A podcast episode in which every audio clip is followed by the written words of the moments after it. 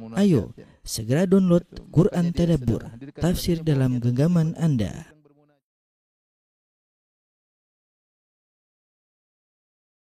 Bismillahirrahmanirrahim. Assalamualaikum warahmatullahi wabarakatuh.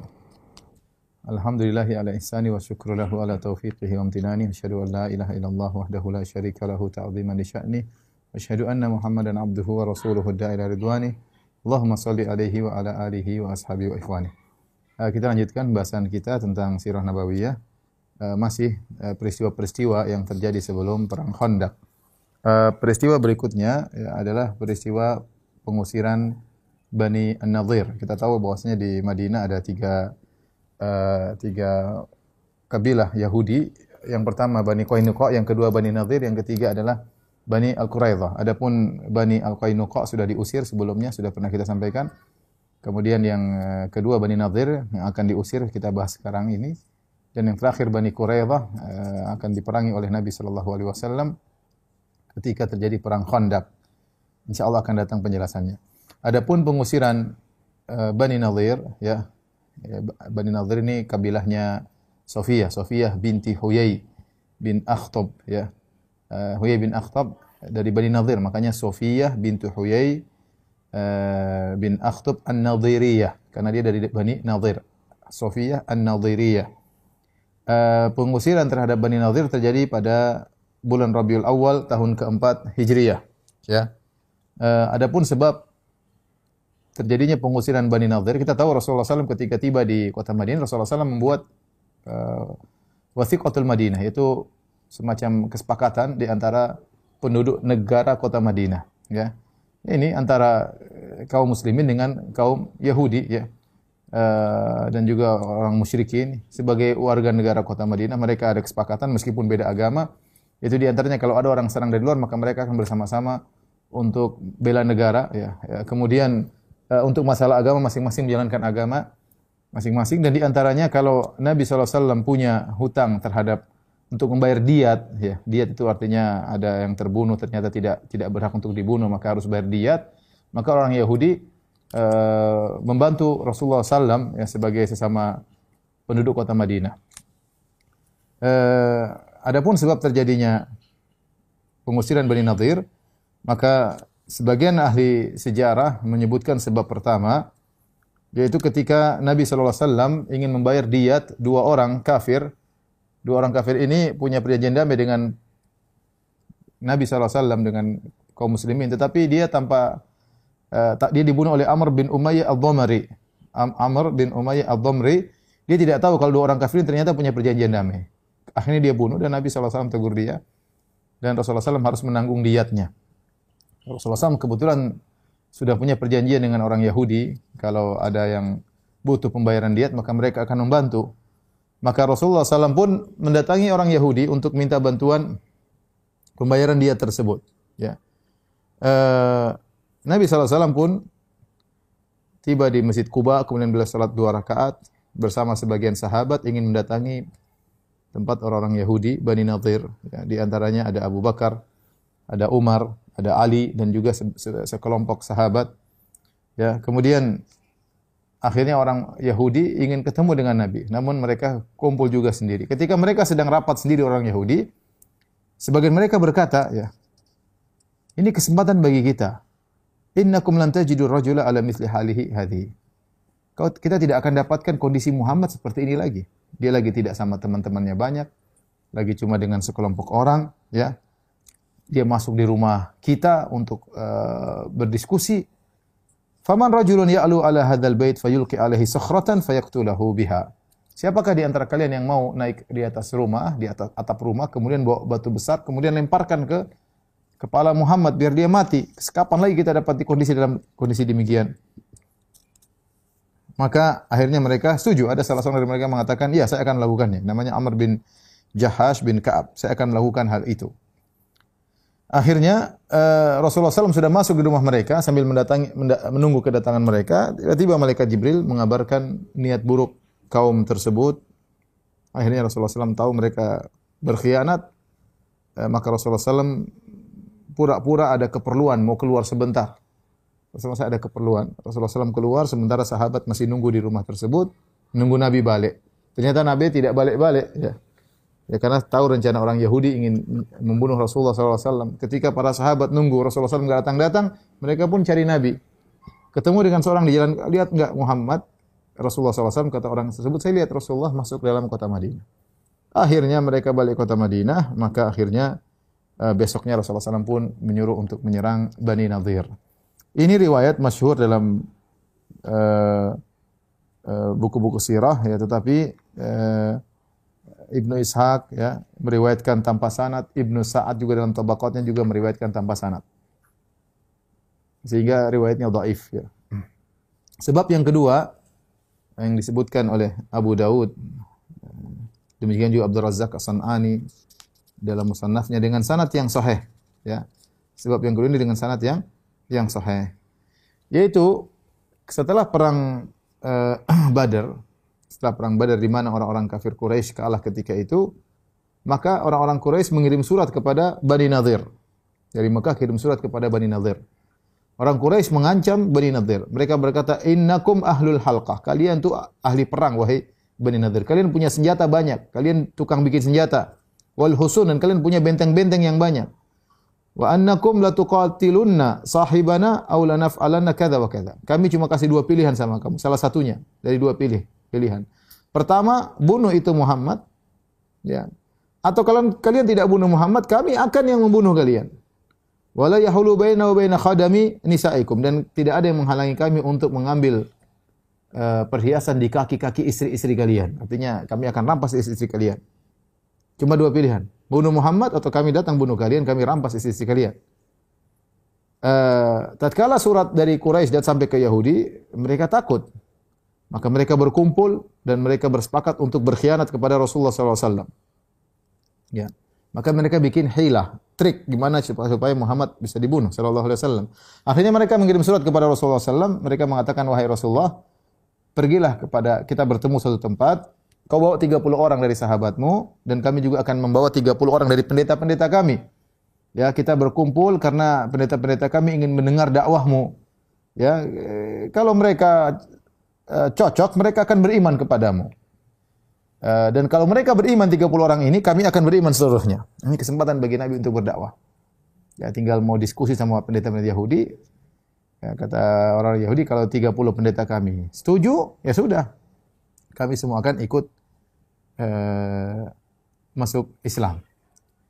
Padahal ini semuanya adalah trik, tipuan. Akhirnya Rasulullah SAW keluar dengan 30 orang. Rasulullah tidak tahu ilmu gaib. Rasulullah SAW membawa 30 orang sahabat bertemulah mereka dengan ketika hendak bertemu uh, dengan 30 orang Yahudi, Yahudi ngobrol di antara mereka. Nah, gimana kita ini? Muhammad bawa 30 orang. Gimana kita mau bunuh dia? Sementara 30 orang itu semuanya ingin mati di depan Muhammad. gimana caranya kita sampai bisa membunuh Muhammad? Sementara 30 orang bersamanya itu semuanya ingin mati demi Muhammad. Kalau gitu jangan 30. Sudah kita bilang ya uh, Bagaimana kalau tiga orang aja? Sudah kita suruh tiga orang aja. Akhirnya mereka kirim surat lagi kepada Rasulullah sallallahu alaihi wasallam. Mereka bilang, "Ya Rasulullah, kalau 30 sama 30, kita 60 orang. Gimana kita bisa saling memahami? Repot. Gimana kau mau dakwah 30 30 nanti ribut dan segalanya diskusi terlalu lama. Ya udah, enggak usah tiga tiga orang aja. Kau tiga orang, kami tiga orang. Ini trik mereka aja supaya Nabi tiga orang kemudian mereka bawa tiga orang mereka bisa bunuh Nabi Shallallahu Alaihi Wasallam. Uh, Rasulullah SAW percaya aja ya. ya. Kesempatan untuk dakwah. Eh, Rasulullah ingin orang Yahudi beriman. Ya. Uh, akhirnya Rasulullah SAW keluar dengan tiga orang. Kemudian ternyata orang-orang Yahudi juga bawa tiga orang, tapi mereka bawa khanjar, bawa, bawa pedang. Mereka masukkan dalam baju mereka. Siap membunuh Rasulullah SAW. Ya. Alhamdulillah ada seorang wanita dari orang-orang Yahudi yang dia baik. Kebetulan dia punya saudara dari kaum Ansar yang muslim ya. Dari kaum Ansar yang yang muslim ya. Maka dia kasih tahu sama saudaranya, ini orang Yahudi sedang berniat buruk terhadap nabi kalian. Akhirnya lelaki muslim dari kaum Ansar pun menyampaikan kepada Nabi sallallahu alaihi wasallam ya. Kemudian dia bisikan kepada Rasulullah, ya Rasulullah mereka begini begini begini. Sebelum Rasulullah SAW sampai kepada orang Yahudi. Sebelum terjadi pertemuan. Akhirnya ketika dikabarkan Rasulullah SAW segera balik Kemudian besoknya Rasulullah SAW serang mereka, Rasulullah SAW kepung mereka. Uh, sebelum Rasulullah SAW kepung mereka, Rasulullah SAW kirim Muhammad bin Maslamah untuk menyampaikan pesan Nabi kepada Yahudi Bani Nadir. Yaitu perintah Nabi SAW, Ani khruju minal Madinah, fala tusakinuni biha. Waqad hamamtum bima hamamtum bihi minal ghadar. Faman ru'iya ba'da dhalik darabtu unuqahu. Kata Nabi SAW pesan yang dikirim melalui Muhammad bin Maslamah radhiyallahu anhu, wahai orang-orang Yahudi, keluarlah dari kota Madinah. Jangan kalian bertetangga lagi denganku. Kalian telah punya rencana busuk, ya kalian telah berkhianat, ya. Kalau sudah datang surat ini, siapa di antara kalian yang masih kelihatan, aku akan penggal lehernya, kata Nabi SAW. Akhirnya mereka bersiap-siap berhari-hari untuk siap keluar dari kota Madinah. Nabi tidak serang. Nabi suruh pergi aja lah. Kalian sudah uh, melanggar perjanjian. Nabi kasih kesempatan bagi mereka untuk siap-siap, ya. Ketika mereka sudah siap-siap untuk meninggalkan kota Madinah, ternyata berita ini didengar oleh orang munafik. Orang munafik mereka konco dengan orang-orang Yahudi. Ya, konco sebelum Nabi datang, sebelum Nabi berhijrah mereka sudah berteman dengan orang Yahudi. Akhirnya uh, Abdullah bin Ubay bin Salul, pemimpin orang munafik, mengirim utusan kepada orang Yahudi. Pesannya Abdullah bin Ubay bin Salul kepada orang Yahudi. Ini pesan orang munafik kepada orang Yahudi. Jangan kalian keluar dari negeri-negeri kalian. Jangan keluar dari rumah kalian. Kami akan membela kalian. Kalau kalian diperangi oleh kaum muslimin, kami akan bela kalian. Ini pesannya orang orang munafik. Kalau kalian diusir, kami juga akan pergi. Tenang saja. Ya. Ini yang Allah turunkan firman Allah. Tapi mereka bohong semuanya ya. Ya. Akhirnya ketika datang surat dari Abdullah bin Ubay bin Salul bahwasanya kami siap bersamamu wahai orang Yahudi, kalau perang kami akan perang, kalau diusir kita sama-sama pergi. Maka Huyai bin Akhtab, bapaknya Sofiyah, ketika mendapat surat dukungan tersebut, akhirnya dia tidak jadi pergi. Maka dia kirim surat kepada Rasulullah SAW, dia berkata, Inna la nakhruj min diyarina. Kami tidak akan pergi dari kampung kami. Wala in qataltana qatalnak. Kalau kau memerangi kami, kami akan perang lawan engkau.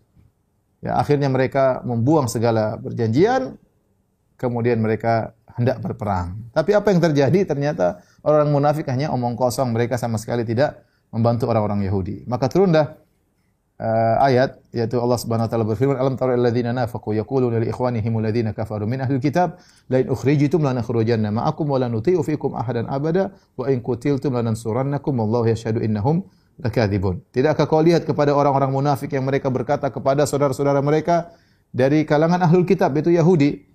Apa kata mereka? Wahai saudara-saudara kami orang Yahudi kalau kalian diusir kami akan pergi bersama kalian Ya, dan kami tidak akan taat kepada seorang pun untuk menyerang kalian.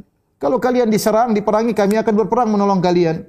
Kata Allah, Wallahu yashhadu innahum lakadzibun. Allah bersaksi, ini orang-orang munafik pendusta. Apa yang terjadi? La in ukhriju la yakhrujuna ma'ahum. Ternyata kalau mereka diusir, Yahudi diusir, mereka tidak akan ikut pergi. Wala in kutilu la yansurunhum. Kalau mereka diperangi orang Yahudi, orang munafik tidak akan uh, ikut membela. Wala inna saruhum la yuwallunnal adbara thumma la yunsarun. Kalau mereka pun menolong, mereka akan segera kabur hanya sebentar saja. Ya. Inilah yang terjadi akhirnya Rasulullah SAW pun ketika dapat surat dari Huyai bin Akhtab bapaknya Sofia, kami akan bertahan, kami siap berperang. Maka Rasulullah SAW pun membawa para sahabatnya ya menuju ke Bani Nadir dan Rasulullah SAW menjadikan Ibnu Umi Maktum pengganti Nabi untuk memimpin salat dan yang lainnya. Tatkala mereka melihat Rasulullah SAW dan pasukannya datang, maka mereka pun segera kabur menuju benteng-benteng mereka. Lalu lantas mereka pun melempar uh, Rasulullah SAW ya, uh, kemudian dengan panah, kemudian dengan uh, batu ya. Tetapi Rasulullah SAW kemudian mengepung mereka. Apa yang dilakukan oleh Nabi SAW? Nabi menyuruh mereka jadi orang Yahudi ini memegang perekonomian bahkan perkebunan mereka yang kuasai. Kata Nabi SAW, potong itu korma-korma mereka. Dipotonglah korma-korma mereka. Ya, bukan cuma dipotong, bahkan dibakar korma-korma mereka. Dan ini membuat takut orang Yahudi karena mereka melihat api di sekitar mereka, kemudian kebun-kebun mereka dipotong buat mereka gentar tatkala itu. Dan Allah izinkan kata Allah ma qata'tum min linatin aw taraktumuha qa'imatan ala usuliha fa bi'idnillahi wa liyukhziyal fasiqin. Korma yang kalian potong atau kalian biarkan di atas uh, apa namanya akarnya Maka itu semua dengan izin Allah, terserah kata Allah. Mau dipotong, mau dibakar, mau ditetapkan, terserah. Liyukhziyal fasikin agar Allah menghinakan orang-orang fasik, maksudnya orang-orang Yahudi. Akhirnya mereka pun uh, ketakutan ya dan ternyata orang-orang orang-orang munafik tidak membantu sama sekali. Akhirnya mereka pun pasrah, tidak jadi bertempur. Ya. Allah membuat mereka ketakutan. Akhirnya mereka minta damai dengan Nabi Shallallahu Alaihi Wasallam dan Nabi menerima permohonan damai mereka dengan syarat mereka harus pergi dari kota Madinah. Dan Nabi kasih kesempatan silakan kalian pergi ke Madinah tapi satu orang cuma boleh bawa satu pikulan satu ekor onta. Silakan ente mau taruh barang-barang kalian terserah. Yang penting satu orang satu ekor onta. Satu keluarga satu ekor onta. Terserah taruh. Yang tidak boleh satu orang bawa dua ekor onta kemudian diisi dua uh, dua pikulan. Tidak boleh jadi satu ekor satu orang hanya bawa satu ekor unta dengan pikulannya.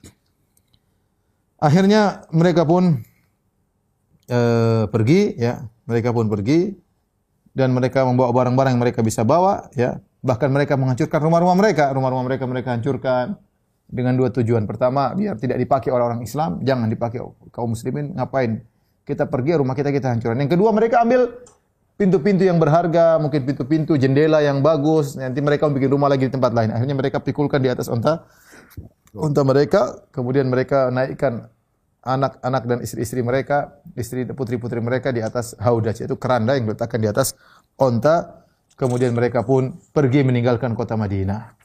Ketika mereka meninggal kota Madinah, mereka sok dalam kondisi kuat ya. Mereka menunjukkan mereka seperti sabar, kemudian mereka bawa dufuf sambil keluar ini terusir ini tapi terusir seakan-akan mereka dalam kondisi kuat sambil mukul-mukul gendang kemudian sambil mainkan seruling-seruling kemudian sambil ada budak-budak mereka joget-joget akhirnya mereka meninggalkan kota uh, kota Madinah. Uh, kebanyakan mereka kemudian tinggal di Khaybar di Khaybar. Makanya Nabi SAW nanti mendapatkan Sofia di Khaybar ya. Mereka kebanyakan mereka tinggal di Eh, di Khaybar. Sebagian mereka pergi ke negeri Syam. Sebagian mereka pergi ke negeri Syam, kebanyakan mereka tinggal di Khaybar. Uh, kemudian uh, nanti akan terjadi perang Khaybar pada tahun 7 Hijriah. Baik, uh, ketika mereka terusir Bani Nadir, uh, ternyata ada sebagian dari orang-orang Yahudi yang ternyata dari kaum Arab, dari kaum Ansar. Kok bisa ada kaum Ansar masuk Yahudi? Disebutkan bahwasanya sebagian wanita-wanita Ansari dahulu sebelum datang Rasulullah SAW, mereka terkadang punya anak sering meninggal. Akhirnya mereka bikin nazar. Kata mereka, kalau anak saya hidup, saya akan masukkan dia ke agama Yahudi. Akhirnya benar hidup. Besar jadi Yahudi. Karena sudah nazar. Kemudian adalah perempuan yang lain lagi. Anaknya sering mati, sering meninggal. Ya udah, kalau anak saya hidup, jadi Yahudi. Terus akhirnya ada beberapa uh, kaum-kaum Ansar, anak-anak muda Ansar yang kemudian mereka beragama Yahudi. Akhirnya mereka datang kepada Nabi ya Rasulullah, gimana ini Rasulullah? Ini saudara-saudara kami atau adik-adik kami atau putra-putra kami akan mengikuti mereka keluar dari kota Madinah bersama orang Yahudi karena satu agama. Apa kita tahan atau bagaimana ya Rasulullah? Kata Rasulullah SAW, akhirnya turun firman Allah Subhanahu Wa Taala, La ikraha fid din. Qad tabayyana ar-rusydu minal ghai. Tidak ada paksaan dalam agama. Sungguh telah jelas kebenaran dari kesesatan. Kata Nabi, khayyiru ashabakum. Suruh mereka pilih. Fa in ikhtarukum fahum minkum. Kalau mereka pilih kalian, ya sudah mereka gabung sama kalian di kota Madinah. Wa in ikhtaruhum tapi kalau ternyata saudara-saudara kalian tadi tetap milih sama orang Yahudi, fahum minhum, maka biarkanlah mereka bersama orang Yahudi. Akhirnya ternyata mereka memilih orang-orang Yahudi, akhirnya mereka ikut terusir di kota Madinah bersama orang-orang Yahudi uh, harta rampasan ketika orang-orang Bani Nadir keluar dari kampung mereka disebut dengan fai. Ya. Fai itu adalah harta rampasan tapi tanpa peperangan. Karena tidak terjadi peperangan. Mereka ketakutan akhirnya mereka damai mereka pergi. Kalau ghanimah terjadi peperangan, perang, angkat senjata, bunuh-bunuhan. Kemudian musuh pergi, harta yang diambil dari ghanimah. Bedanya antara fai dengan ghanimah, kalau ghanimah harus dibagi. Rasulullah SAW eh, ada pembagian. Fa anna lillahi khumusahu oleh Rasul Rasulullah mengambil seperlima sisanya dibagi-bagi kepada uh, para pejuang. Tapi kalau fai semuanya milik Nabi sallallahu alaihi wasallam. Semuanya milik Nabi sallallahu alaihi wasallam. Makanya Allah berfirman, Wa ma Allahu ala rasulihi minhum fama aujaftum alaihi min khailin wala rikab. Ya, apa yang kalian peroleh ya dari eh, harta-harta uh, musuh ya, maka untuk Rasulullah wasallam ya karena kalian memperolehnya tanpa harus naik kuda tanpa harus naik onta yaitu tidak terjadi uh, peperangan. Maka Rasulullah SAW pun mengambil harta tersebut kemudian beliau bagi-bagikan sesuai dengan kehendak beliau. Ya karena tidak terjadi peperangan. Kalau terjadi peperangan berarti ada pejuang. Kalau ada pejuang mereka berhak mendapatkan bagian uh, saham dari uh, gonimah-gonimah tersebut. Disebutkan Rasulullah SAW membagi-bagi harta semuanya, tetapi dia sisihkan uh, sebagian harta untuk infak kepada keluarganya selama setahun. Nafakatu sana. Rasulullah SAW sisihkan untuk istrinya, istri-istri selama setahun. Ya. Dan ini menunjukkan boleh seorang uh, apa namanya uh, boleh seorang uh, menabung, boleh. Karena Nabi SAW menyisihkan hartanya untuk infak istrinya selama setahun. Berarti nabung boleh? Boleh, tapi jangan pelit. Hmm. Jadi masalah nabung dan pelit itu tidak boleh. Tapi ternyata kata Imam Nawawi rahimahullahu taala, meskipun Nabi menyediakan makanan untuk istrinya selama setahun, bukan berarti Nabi boros, Nabi tetap bersedekah. Bahkan Nabi tidak pernah kenyang tiga hari berturut-turut. Tidak ada rumah-rumah Nabi yang kenyang tiga hari berturut makan roti, nggak ada. Ya makanya eh, sebagaimana eh, dalam riwayat ya Diriwayatkan Imam Al-Bukhari, kata Aisyah radhiyallahu taala anha, "Ma syabi'a Rasulullah sallallahu alaihi wasallam thalathata ayyamin tiba'a min khubzi bur hatta madha li sabilihi." Rasulullah SAW tidak pernah tiga hari berturut-turut kenyang dari roti gandum, tidak pernah. Mungkin kenyang sehari, besok enggak lagi dapat gandum, korma doang. Ya, terkadang mungkin kenyang dua hari, hari ketiga enggak ada. Tidak pernah tiga hari berturut-turut kenyang dari gandum. Karena gandum itu makan paling enak di saat ketika itu. Ya. Ya, tidak pernah sampai Rasulullah SAW meninggal tidak pernah kenyang. Jadi maksud saya meskipun Rasulullah SAW menyimpan menyisihkan uang untuk istri-istrinya untuk beli makanan, toh beliau sering bersedekah. Sehingga beliau sendiri tidak pernah kenyang selama tiga hari berturut-turut. Bahkan ketika meninggal dunia masih punya utang sama orang Yahudi. Untuk membeli apa? Untuk beli makanan bagi istri-istrinya. Ya. Jadi saya ingatkan bahwasanya ini dalil bolehnya menabung ya untuk keperluan kita di masa depan boleh Masuk akal setahun kita siapkan buat anak kita, untuk sekolah anak kita setahun, untuk biaya makan. Tapi jangan pelit. Jangan pelit ya. Bukan berarti kita menabung akhirnya kita pelit nggak pernah sedekah sama sekali itu dilarang. Maka untuk peristiwa uh, diusirnya Bani Nadir ini turunlah surat Al-Hasyr. Turunlah surat Al-Hasyr. Kemudian peristiwa berikutnya adalah Ghazwatul Badar Al-Akhirah. Jadi Ghazwat Badar dua kali. Pertama Ghazwat Badar yang terjadi pada tahun kedua Hijriah ya. Tahun kedua Hijriah pada bulan uh, Ramadan. Yang di mana Rasulullah SAW menang 315 mengalahkan 1000 pasukan orang-orang Quraisy. Kemudian pada uh, bulan Syawal di tahun 3 Hijriah terjadi perang Uhud. Sebagaimana sudah kita sampaikan. Perang Uhud dan kemudian banyak kaum muslimin yang meninggal sekitar 70 orang. Di akhir perang Uhud, sebelum Abu Sufyan pulang, dia sempat bikin perjanjian. Ya, dia mengatakan uh, yaumun bi yaumin wal harbu sijal mau'iduna badr alal haul ya. Kata kata Abu Sufyan, wahai Muhammad dan kawan-kawannya, demikianlah peperangan. Kita pernah kalah dalam perang Badar, sekarang kita balas dalam perang Uhud. Dan wal harbu sijal namanya peperangan itu menang dan kalah. Ingat kita punya perjanjian ya, nanti perang di Badar.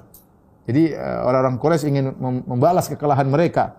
Jadi mereka maunya perang bukan di mana-mana, di Badar tempat nenek tempat saudara-saudara mereka kalah. Tempat pembesar-besar mereka tewas, mereka ingin perang di situ. Dan Nabi mengatakan, "Iya, kita ketemu nanti di Badar." Nah, tiba saatnya mereka ketemu di Badar. Maka di bulan Sya'ban tahun keempat Hijriah Rasulullah SAW keluar dengan pasukan 1.500 pasukan dari kalangan para sahabat untuk berjalan menuju perang ke daerah Badar. Eh, Badar dari Madinah kira-kira 130 kilo. Ya, saya sering kali sering ke sana ya. Uh, apa namanya sampai ke sana dan Rasulullah SAW siap untuk menunggu kedatangan orang-orang Quraisy. Maka Rasulullah SAW berangkatlah ke sana dengan 1.500 pasukan. Abu Sufyan juga siap-siap. Abu Sufyan keluar namun dengan kondisi agak takut-takut ya dia bawa 2000 pasukan dari Quraisy. Dulu 3000 lawan 700 ya. 700 kaum muslimin, mereka 3000. Sekarang lebih perbandingannya lebih kecil. Kaum muslimin 1500, mereka 2000.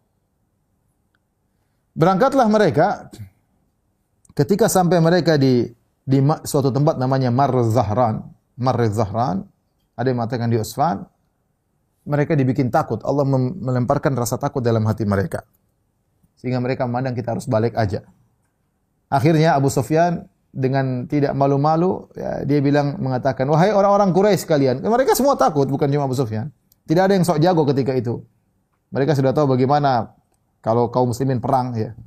Sehingga mereka ketakutan. Apa kata Abu Sufyan? Wahai kaum Quraisy sungguhnya tahun ini tahun musim kemarau. Nggak cocok untuk perang ya. Kita nanti perang nanti kalau musim musim panen ya musim subur baru kita kita perang ya. Kalau sudah musim uh, amun khosb, maka kita akan di sana kita akan tanam tanaman, kemudian kita minum susu. Uh, mending kita pulang aja. Ini raja, saya akan pulang. Farji'u, pulanglah bersamaku. Raja Anna, semuanya pulang. Ternyata semuanya penakut. Gak ada satu yang sok. Ya Abu Sofyan, kita harus balas, sudah janji. Gak ada yang sok sama sekali di antara mereka. Akhirnya mereka pulang seluruhnya. Tidak ada yang berangkat menuju ke Badar. Abu Sufyan ketika pulang balik ke kota Mekah, dia malu, maka dia tidak ingin orang-orang dengar Muhammad sudah datang, mereka tidak berani datang. Akhirnya dia uh, mengirim Nuaim bin Mas'ud al-Asja'i. Ya. Dia mengatakan, "Wahai Nuaim, ya. Aku sudah berjanji dengan Muhammad dan teman-temannya kita berperang di Badar. Dan sudah tiba waktu tersebut untuk kita berperang. Tetapi ini adalah musim kemarau. Cocok kalau kita perang di musim penghijau atau musim subur. Dan aku tidak suka Muhammad keluar dengan pasukannya sementara ya kami tidak keluar ya. E, maka kemudian mereka akan sok ya. Karena kami mereka keluar kita nggak keluar. Tidak berangkat. Maka aku akan berikan kepada engkau 20 onta. Syaratnya kau pergi ke Madinah. Kau hasut itu sahabat-sahabatnya Muhammad agar mereka tidak keluar. Tidak berangkat menuju perang, biar Muhammad saja yang berangkat sendiri. Semangat dikasih 20 ekor onta, maka Nuaim bin Mas'ud Al-Asja'i pun berangkat menuju kota Madinah. Ternyata ketika tiba di Madinah dia melihat orang-orang sudah siap-siap berangkat. Kemudian dia kasih ide, dia mengatakan, "Laisa hadza bi Ini pendapat tidak pas. Kalian berangkat hari ini musim kemarau tidak pas." Ya. Uh, alam yakhruj Muhammadun fi nafsihi? Bukankah Muhammad keluar sendirian? Ya. Bukan dia kan keluar untuk dirinya sendiri. Alam yaktul ashabahu? Bukankah waktu perang Uhud dia keluar akhirnya teman-temannya pada mati semua. Jadi dia, dia bikin provokasi Nuaim bin Mas'ud Al-Asja'i. Kemudian dia bilang itu Abu Sofyan sudah kumpul rame. Kalian masih tak mau berangkat perang? Lihat Abu Sofyan sudah punya pasukan yang luar biasa, persenjataan yang kuat. Kalian masih mau berangkat perang? Ketika Nabi mendengar hasutan dari Nuaim bin Mas'ud Al-Asja'i, Nabi berkata, "Walladzi nafsi biyadihi." Demi zat yang jiwaku berada di tangannya. Demi Allah. La akhrujanna wa illam yakhruj ma'iya ahadun.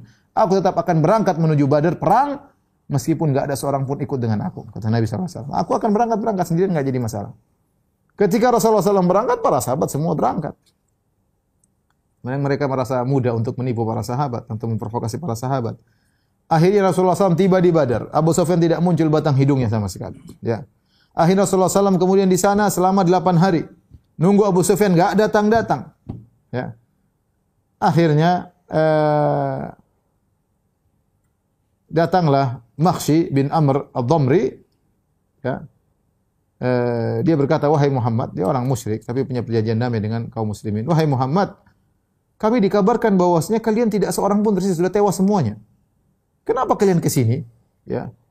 Apa kalian ke sini untuk perang melawan Quraisy? Ya di tempat sumber air ini di Badar karena banyak sumber air.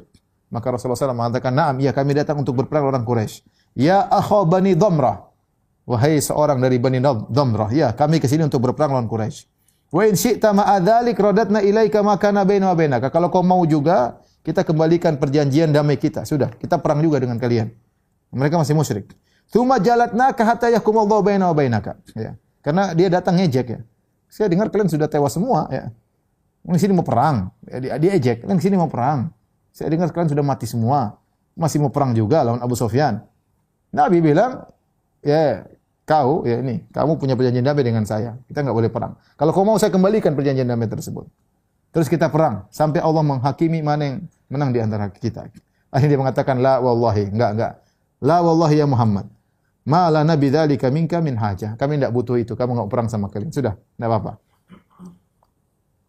Akhirnya ternyata Abu Sufyan tidak datang sama uh, sama sekali dan akhirnya ini uh, menjadikan pamor kaum muslimin semakin semakin naik.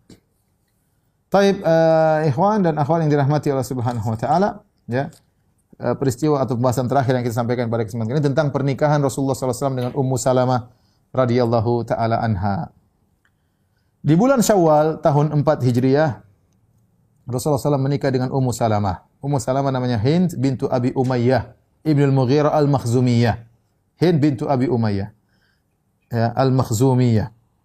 Adapun Abu Umayyah ya uh, ayahnya uh, bintu Abi uh, ayahnya Ummu Salamah ya dikenal dengan Zadur Raqab, diberi gelar dengan Zadur Raqab, yaitu orang orang yang sangat dermawan. Karena kalau dia bersafar dengan orang-orang yang tanggung makanan semua dia. Orang senang bersafar dengan dia. Jadi dia ngebosi kalau ke mana-mana. Sehingga dia diberi gelar dengan Zadur Rakab. Ya. Ada di antara kita mungkin dapat gelar tersebut ya. Orang senang safar dengan dia. Kenapa? Kalau dia safar dengan dia jadi ngebos. Dia yang bos semuanya. Semuanya dia yang bayar. Bahkan tidak ada yang keluarkan duit. Saya yang bayar. Nah, ini dulu itu bapaknya uh, Ummu Salamah. Uh, apakah ada di antara kalian yang seperti itu? Wallahu alam bisawab ya. Ini bukan safar ke Bekasi, bukan ya. Ini safar maksudnya tempat jauh-jauh yang butuh perjalanan, butuh butuh biaya. Saya ngebos kata uh, Abi Umayyah, bapaknya Ummu Salamah. Jadi orang terkenal dari Bani Makhzum uh, Ummu Salamah. Bani maksudnya Bani, uh, apa? Kabilahnya Abu Jahal. Kita tahu uh, suaminya Abu Salamah meninggal, kita sudah jelaskan kemarin uh, pada pertemuan sebelumnya ya, setelah diutus oleh Nabi untuk memimpin suatu syariah, kemudian akhirnya bekas lukanya dari perang Uhud uh, kambuh kembali, akhirnya dia meninggal, meninggal dunia dan Rasulullah SAW mendatangi uh, jenazahnya Abu Salamah, Rasulullah SAW menutup kedua matanya, Rasulullah SAW mendoakan, ya Allah maghfirli Abi Salamah, ya warfa darajatahu fil mahdiyin, ya ya Allah ampunilah Abu Salamah, angkatlah derajatnya, ya. dan akhirnya Ummu Salamah menjadi janda. Ketika masa idahnya selesai, maka Rasulullah SAW langsung melamar Ummu Salamah. Dan saya sering sampaikan bahwasanya kalau dahulu di zaman sahabat, eh, kalau bahasa kita mau agak kasar, tapi saya bilang nggak ada janda yang nganggur. Ya. Janda baru selesai, masa idahnya langsung dilamar oleh uh, para sahabat. Baik diceraikan ataupun suaminya meninggal, maka apalagi kalau suaminya meninggal, maka para sahabat segera uh, menikahi janda-janda dari kawan-kawan mereka sebagai bentuk eh, apa namanya bela sungkawa saling membantu merawat anak-anaknya ya seperti itu maka demikian juga um, uh, Ummu Salamah ketika menikah dengan Abu Salamah dia punya anak empat. Salamah yang paling tua makanya disebut Abu Salamah dan Ummu Salamah. Kemudian Umar ketika itu masih berusia tiga tahun ketika Abu Salamah meninggal. Kemudian Zainab dan Durrah. Zainab masih gendong lagi masih kecil. Durrah masih kecil lagi. Ketika Abu Salamah meninggal sebagaimana pernah kita sampaikan, maka Ummu Salamah berdoa, ya, inna lillahi wa inna ilaihi raji'un. Allahumma ajurni fi musibati. Allahumma ajurni fi musibati. Ya Allah, berilah aku pahala atas musibah yang aku alami. Wa akhlif li khairan minha. Dan berilah aku yang lebih baik ganti daripada musibah tersebut. Ya, Rasulullah SAW baca doa tersebut dan ini doa uh, Ummu Salamah dengar dari Abu Salamah dalam riwayat uh, Ummu Salamah dengar langsung dari Nabi wasallam. Bahkan dalam sebagai riwayat ketika Ummu Salamah berdoa dengan doa ini, Allah maji'urni fi musibati. Ya Allah berikan aku pahala dari terkena, terkena musibah ini berikan aku pahala. Ketika dia mau baca wa li khairan minha, berilah aku ganti yang lebih baik, maka dia berkata dalam hatinya, man khairu min Abi Salamah. Siapa yang lebih baik daripada suamiku? Luar biasa bagaimana Abu Salamah begitu baiknya kepada Ummu Salamah sampai Ummu Salamah bertanya, yang lebih baik kepada suami saya siapa? Adakah istri-istri kita demikian? Sambil berkata kepada orang-orang siapa lebih baik daripada suamiku? Atau oh, suamiku amit-amit. Lihat bagaimana perilaku Abu Salamah kepada Ummu Salamah. Sampai Ummu Salamah sendiri bingung. Mau baca doa ini dia bingung. Siapa sih yang lebih baik kepada suamiku? Berarti benar-benar dia cinta sama suaminya, benar-benar mereka menjalani kehidupan rumah tangga yang sangat romantis. Ya. Sampai lelaki yang terbaik menurut dia di mata dia adalah Abu Salamah.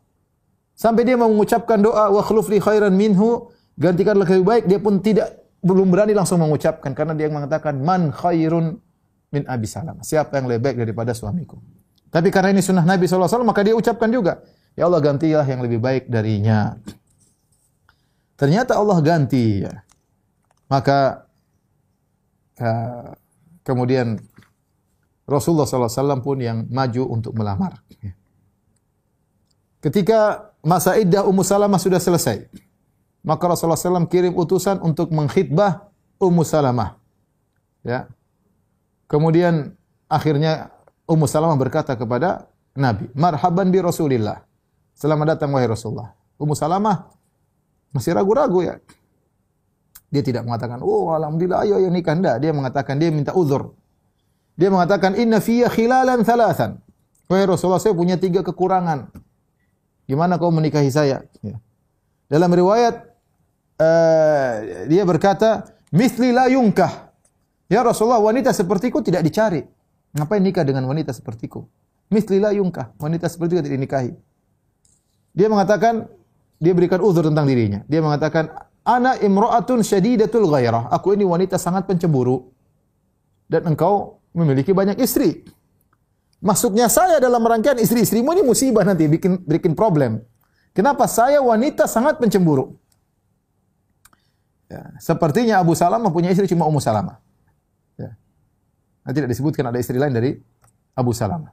Allah alam bisawab. Dia mengatakan ana imra'atun syadidatul ghair. Aku wanita yang sangat mencemburu. Sementara kau punya istri sudah beberapa. Ada Aisyah, kemudian ada uh, Saudah ya. Maka ini yang pertama, aku pencemburu. Yang kedua, wa ana imra'atun musbiyah. Aku wanita punya anak banyak, anak yatim empat orang. Umar, uh, Salamah, Umar, Zainab, Durrah, empat orang. Mana? Urusan banyak. Nikah dengan saya ini banyak beban. Empat orang anak harus diurus. Kemudian yang ketiga dia mengatakan ana mra'atun laisa min awliya'i ahadun syahidan yuzawwijuni dan saya nikah tidak ada waliku yang menyaksikan untuk menikahkan aku. Dalam riwayat dia mengatakan, "Ya Rasulullah, saya sudah lanjut usia ya. Maka Rasulullah SAW ini kalau kita bahasa syubhatnya Ummu Salamah, maka dibantah semua oleh, oleh Nabi sallallahu alaihi wasallam. Apa kata Nabi sallallahu alaihi wasallam? Amma adapun syubhat yang pertama, amma ma dzakarti min ya. Adapun kecemburuan yang membara yang ada pada dirimu ya.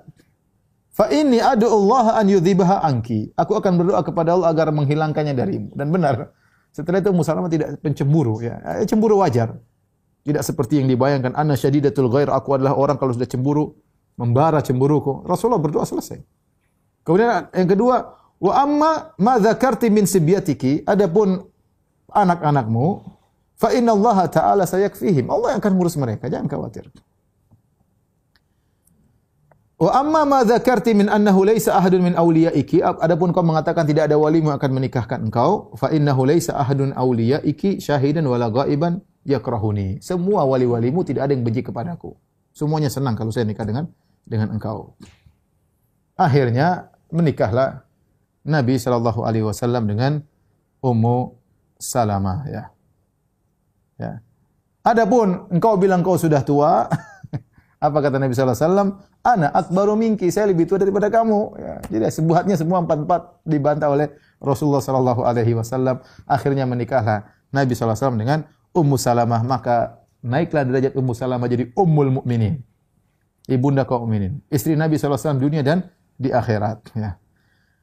Ketika malam pertama atau setelah akad nikah, Rasulullah SAW ingin mendatangi Ummu Salamah. Ternyata ketika Rasulullah SAW masuk kamar, Ummu Salamah lagi gendong anaknya yang masih kecil, Zainab. Ya, Kemudian dia pegang Zainab, kemudian dia ingin menyusui Zainab. Rasulullah SAW buka kamar, pintu. Waduh, nggak enak ada anak kecil. Rasulullah SAW malu, Rasulullah SAW keluar. Nggak jadi. Ini malam pertama, gendong anak. Rasulullah SAW nggak enak. Kemudian Rasulullah SAW masuk lagi beberapa saat, masih nyusui anaknya. Rasulullah SAW keluar lagi. Ummu Salama mungkin nggak ngeh atau apa ya. Intinya berulang-ulang. Akhirnya Ammar bin Yasir dan dia adalah masih ada saudara dengan uh, Ummu Salamah wa kana akhuha li ummiha. Yaitu sama, satu saudara seibu, saudara seibu Ammar bin Yasir. Ketika lihat Nabi nggak masuk-masuk, ini gimana? Malam pertama masuk keluar lagi, masuk keluar lagi. Ada apa? Kemudian dia masuk, ternyata Ummu Salamah lagi gendong Zainab. Kata Amr sini, dia ambil Zainab bawa keluar, dia gendong ke Rasulullah suruh suruh masuk. Akhirnya Rasulullah SAW pun masuk. Rasulullah SAW berkata, Aina Zunab, mana si Zainab? Mana si Zainab? Rasulullah tanya. Kata Ummu Salamah, Ja Ammar fadhahaba biha. Ya, tadi Ammar datang bawa pergi putriku. Maka Rasulullah SAW pun uh, apa menggauli Ummu Ummu Salamah. Rasulullah SAW pun tidur di Ummu Salamah malam tersebut. Ketika sampai pagi hari, Rasulullah SAW memberi pilihan kepada Ummu Salamah. Kata Rasulullah SAW, in syi'ti sabba'tu laki, wa in wa in syi'ti usabbi' laki, wa in usabbi' laki, usabbi' linisa'i. Wahai Ummu Salamah, aturan poligami ada dua. Kalau aku nginap di rumahmu tujuh hari, boleh. Tetapi setelah itu aku akan pergi kepada istri berikutnya tujuh hari. Istri berikutnya tujuh hari, istri berikutnya tujuh hari, baru setelah tujuh tujuh hari balik lagi kepadamu. Ini aturan pertama. Kalau tidak, saya cuma tiga hari aja bulan madu sama engkau. Setelah tiga hari, baru kemudian istri berikutnya cuma satu hari, satu hari, satu hari, balik lagi. Uh, ketika itu ada Aisyah, ada Saudah ya. Berarti Ummu Salamah entah istri ketiga, istri keempat. Berarti kalau Nabi sudah punya istri tiga, berarti kalau tujuh hari, tujuh hari, terus tujuh, tujuh, dua puluh satu hari lagi baru balik ke Ummu Salamah. Lama. Kalau enggak, tiga hari bulan madu sama Ummu Salamah, setelah itu satu, satu, satu, hari keempat sudah balik lagi. Terserah mana. Kata Rasulullah SAW, ya, Innahu laysa biki ala ahliki hawan. Bukan masalah apa-apa wahai Ummu Salamah. Bukannya engkau rendah di sisiku enggak. Tapi saya kasih pilihan. Ini aturan main. In syi'ti sabba'tu laki wa in sabba'tu laki sabba'tu linisa'i. Kalau kau mau saya tujuh hari sini, tapi nanti tujuh hari berikutnya kepada istri-istriku. Akhirnya Ummu Salamah milih tiga hari aja. Biar cepat uh, kembali apa namanya uh, jatahnya ya, jatah nginapnya. Adapun Ummu Salamah, beliau adalah seorang wanita terkenal cantik jelita ya. Ya, dan seorang yang cerdas. Ya, seorang wanita jelita dan seorang yang sangat cerdas ya.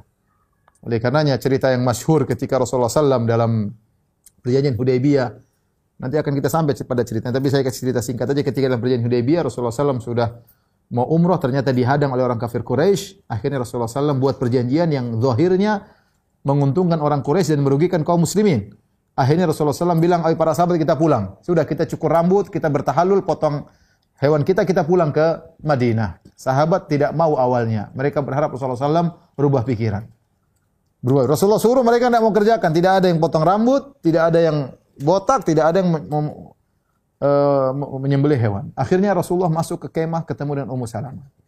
Maka dia curhat kepada Ummu, ada apa wahai Rasulullah? Rasulullah cerita, ini orang begini, begini, begini.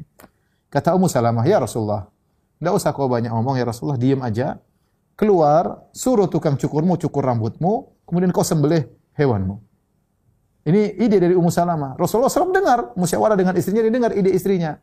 Maka beliau pun keluar alaihi salatu wassalam, kemudian dia pun cukur rambutnya, dia potong sembelih, semua sahabat akhirnya juga cukur rambut dan uh, potong sembelihannya. Itu ide dari siapa? Ummu Salamah radhiyallahu taala anha. Baik, disebutkan dalam suatu hadis, satu riwayat dari dalam Tabaqatul Kubra, ya. Kata Aisyah, ya, tapi riwayat ini wallahu alam akan kesahihannya karena tidak disebutkan sanatnya.